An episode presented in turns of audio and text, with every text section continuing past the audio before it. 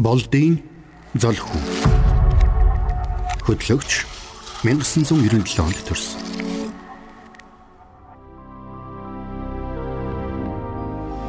Хогон дунд ганцаараа өссөн намайг Есүс Христ илэг бүтэн болгосон. Надад хүч өгч түүгээр би бүгдийг хийж чадна. Филиппой 4:13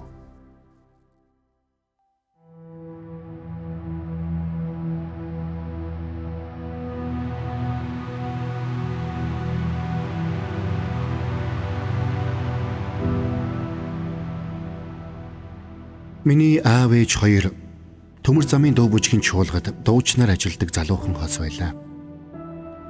Зах зээл нийгмийн хүнд цаг үед хоёулаа урлагийн байгууллагад ажилладаг байсан учраас аав минь ажлаас олж цагдаа болох шийдвэр гаргасан нь бидний амьдралыг бүхэлд нь өөрчилсөн. 1999 оны хүүхдийн баяраар аав минь ажиллаа хийж яваад согтуу сэжигтэнд задуулж амьдасаа алдсан. Цэл залуугаараа ханиа бусдын зэрлэг гарт алдсан ээж минь. Сэтгэлээр унж архинд орж. Заржуулах бүхнээ зарж. Эцэст нь орон байраа хүртэл архиар сулсан. Ингээд ээж дүү бид гурав. Орхорон оч хаяггүй болж. Хамаатан садан найз нөхдийн хөрөө хоног төрүүлэх болсон ч ээж минь дүү бид хоёрыг үе үе айлд орхиод алга болчихдог байлаа. Эцэст нь бидний уулзах хугацаа улам холцсон. Ингээд дулаан гэртээ аав ээжийнхэн ингэрт өссөн би. Нэг л өдөр Улаанбаатар хотын хамгийн том хогийн цэг дээр ирсэн. Харин миний нуруунд өөрүүлж өссөн 3 настай жаахан дүү минь асрамжийн газарт очихоо сур аргагүй болсон. Асрах газрын гаднаас хамгаалагчд нь хид хид хөөгдөд буцахдаа дүүтэйгээ байх ямар ч боломжгүй болсноо би ойлгосон юм. Ингээд би ганцаараа хог ухаж олдосноо идэж 10 жил амьдэрсэн. Амьдралд үзэж болох хэцүү бэрх бүхнийг би тэнд үзсэн. Өдөр бүр хорон бүрийг яаж амьдрах вэ? Яаж амьд үлдэх вэ гэх тэмцэл донд өнгөрөөсөн би. Буруу зам, гемт амьдрал гэдгийг ухаарах завгүй өсөж нэг мэтгэд 17 настай томэр болсон байсан. Хулгай дээрэм арх тамхи миний амьдралын хэв маяг болсон. Зөвхөн ганц дүүтэйгээ уулзаж хамтдаа амьдрах мөрөөдөл сэтгэлийн гүнд бүүдгэрхэн гэрэлгээгээ болдог байлаа. Гурван настай дүүгийн минь тентэр тунтар алхаа нүдэнд үргэлж харагдаж тисхийн аргагүй их санддаг байсан. Энэ хүнд хэцүү үед хайрын элч Христийн цуглааныхан бидэнд халуун хоолцоо авч ирдэг байлаа надтай нийлээд 15-аас 16 хогчин багчуудад хэрв та нар хүсэж байвал энд Есүс Христэд итгэн амьдралаа өөрчилж энэ хогийн цэгээс гарч сургуульд сургатаж туслана гэж тэд хэлдэг байлаа.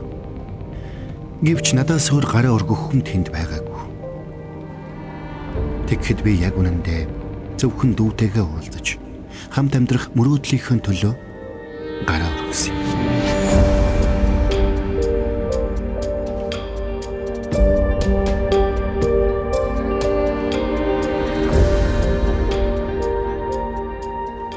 цуглааныхаа хашаанд гэрт амьдрах болж цуглаанд хамрагдаж Есүс Христэд өдөр өдрөөр ойртон түүнийг таньж мэдэж эхлэн өөрийгөө алхам тутам өөрчилж эхэлсэн юм.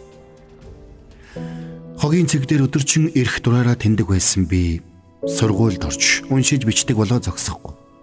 Оройгоор Golden Bridge сургалтын төвд англи хэл сурч эхлэн өглөө 8 цагаас оройн 20 цаг хүртэл суралцах боллоо үргэлж бусдыг дээрлэхэж багчуудаас хоолыг нь булан идэж сатгалан байсан ходоод минь чин шудраг замаар хооллох болж хаяа их үлсдэг байсан боловч энэ надад дүүтэйгээ хурдан уулзах аз жаргалтай мөчөд хүрэх гүүр мэд санагддаг байлаа. Би баг багаар өөрчлөгдөж, мөрөөдөж, залбирч бас залбирсан бүхний авч байсан.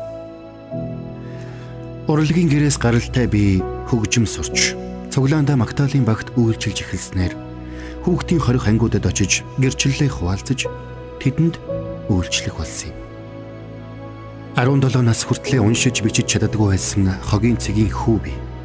Ерөнхий мэдлэгээ нөхөн суралцж улмаар соёл урлагийн их сургуульд суралцах бас нэгэн мөрөөдөлтэй болж залбирч эхэлсэн юм. Удалгүй би сургуультай тэнцлээ. Би төсөөлхийн аргагүй их баяртай байсан. Зөвхөн мөрөөдөж чадах байсан амьдрал минь надад улам ойртож байгааг би мэдэрч байсан. Тэр үед би нэг хүнийг маш их өгүүлж байлаа ээжийг. Хүн хамгийн сайхан мөчөө хамгийн хайртай хүнтэйгээ хуваалцахыг хүсдэг юм лээ. Би ээжигээ олж баярт мэдээгээ дуулгахаар яарч түүнийг зогсолтгүйгээр хайж эхэлсэн. Бодлогын нарантуул зах дээр жижиг бараа зараад явж байна гэж дуулсан. Хүн сайн хүн болсон. Сайхан амьдарч байна. Дээд боловсралтай болох гэж байгаа удахгүй танийгаа аваад сайхан амьдрнаа ээж гэдэг өгүүлбэрийг дахин дахин давтаж ээжтэй дуулгах өдрийг тэсэн ядан хүлээх боллоо. Цуглааны маань пастор мөрөн надтай яг адил өдөр шөнөгүй ээжийг минь хайх боллоо. Ээж минь олдохгүй байсаар. Намарч болж их сургуулийн хичээл эхэллээ. Маш хөө ээж минь сураг гарсан юм. Гэвч тэрнийг архины хамаарлаас гаргах энерл эмнэлэгт хэвтэж байгаад нас барсан тухай мэдээг сонслоо.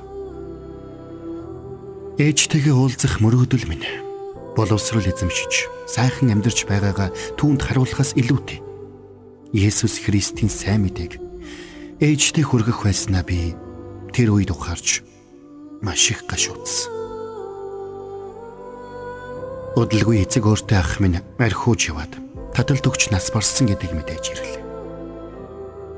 Би бүхэлдээ ой гашууд автаж дахиад цор ганцаараа үлдсэн мэт мэдрэмж төрж байсан ч зөвхөн эзэн Есүс Христэд бүх итгэл найдвараа тавьсаар байлаа.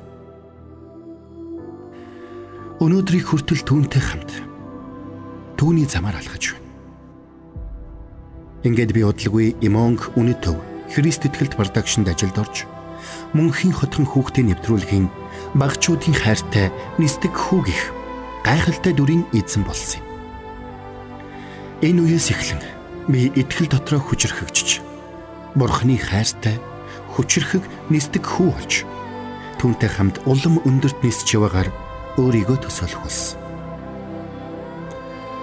Одоо би ихнэр ануудаар дүү сугар сүрэн дөлгөөн уянга намун уянга огтынхон хамтаар илэг бүтэн ад жаргалтай амьдарч байна. Бурхан миний өнгөрсөн амьдралд алдагдсан гэр бүл, хайр, ад жаргал бүгдийг нөхөж өгсөн гэдэгт би итгэдэг. Хогон дунд гав ганцаар амьдарч байсан намайг Есүс Христ ийхүү илэг бүтэн ад жаргалтай нэгэн болгосон юм. Би одоо гэр бүлийнхнийхээ хамтаар цуглаандаа тасралтгүй үйлчилж Миний өнгөрсөн амьдралтай адил нөхцөл байдалд байгаа гэр бүлүүд итгэл найдвараа алдсан өсвөр үеийнхэнд Есүс Христийг өөрийн өнгөрсөн одоо ирээдүйд ирэх амьдралаараа гэрчилж явна. Бурхан намайг өөрчилсөн. Өөр хинч үүнийг хийж чадахгүй байсан. Тийм ээ. Би Есүс Христийн хайртай нисдэг хүү. Би зөвхөн түүнд итгэж найдаж амьдардаг. Надад хүч өгөгч түүгээр би бүгдийг хийж чадна.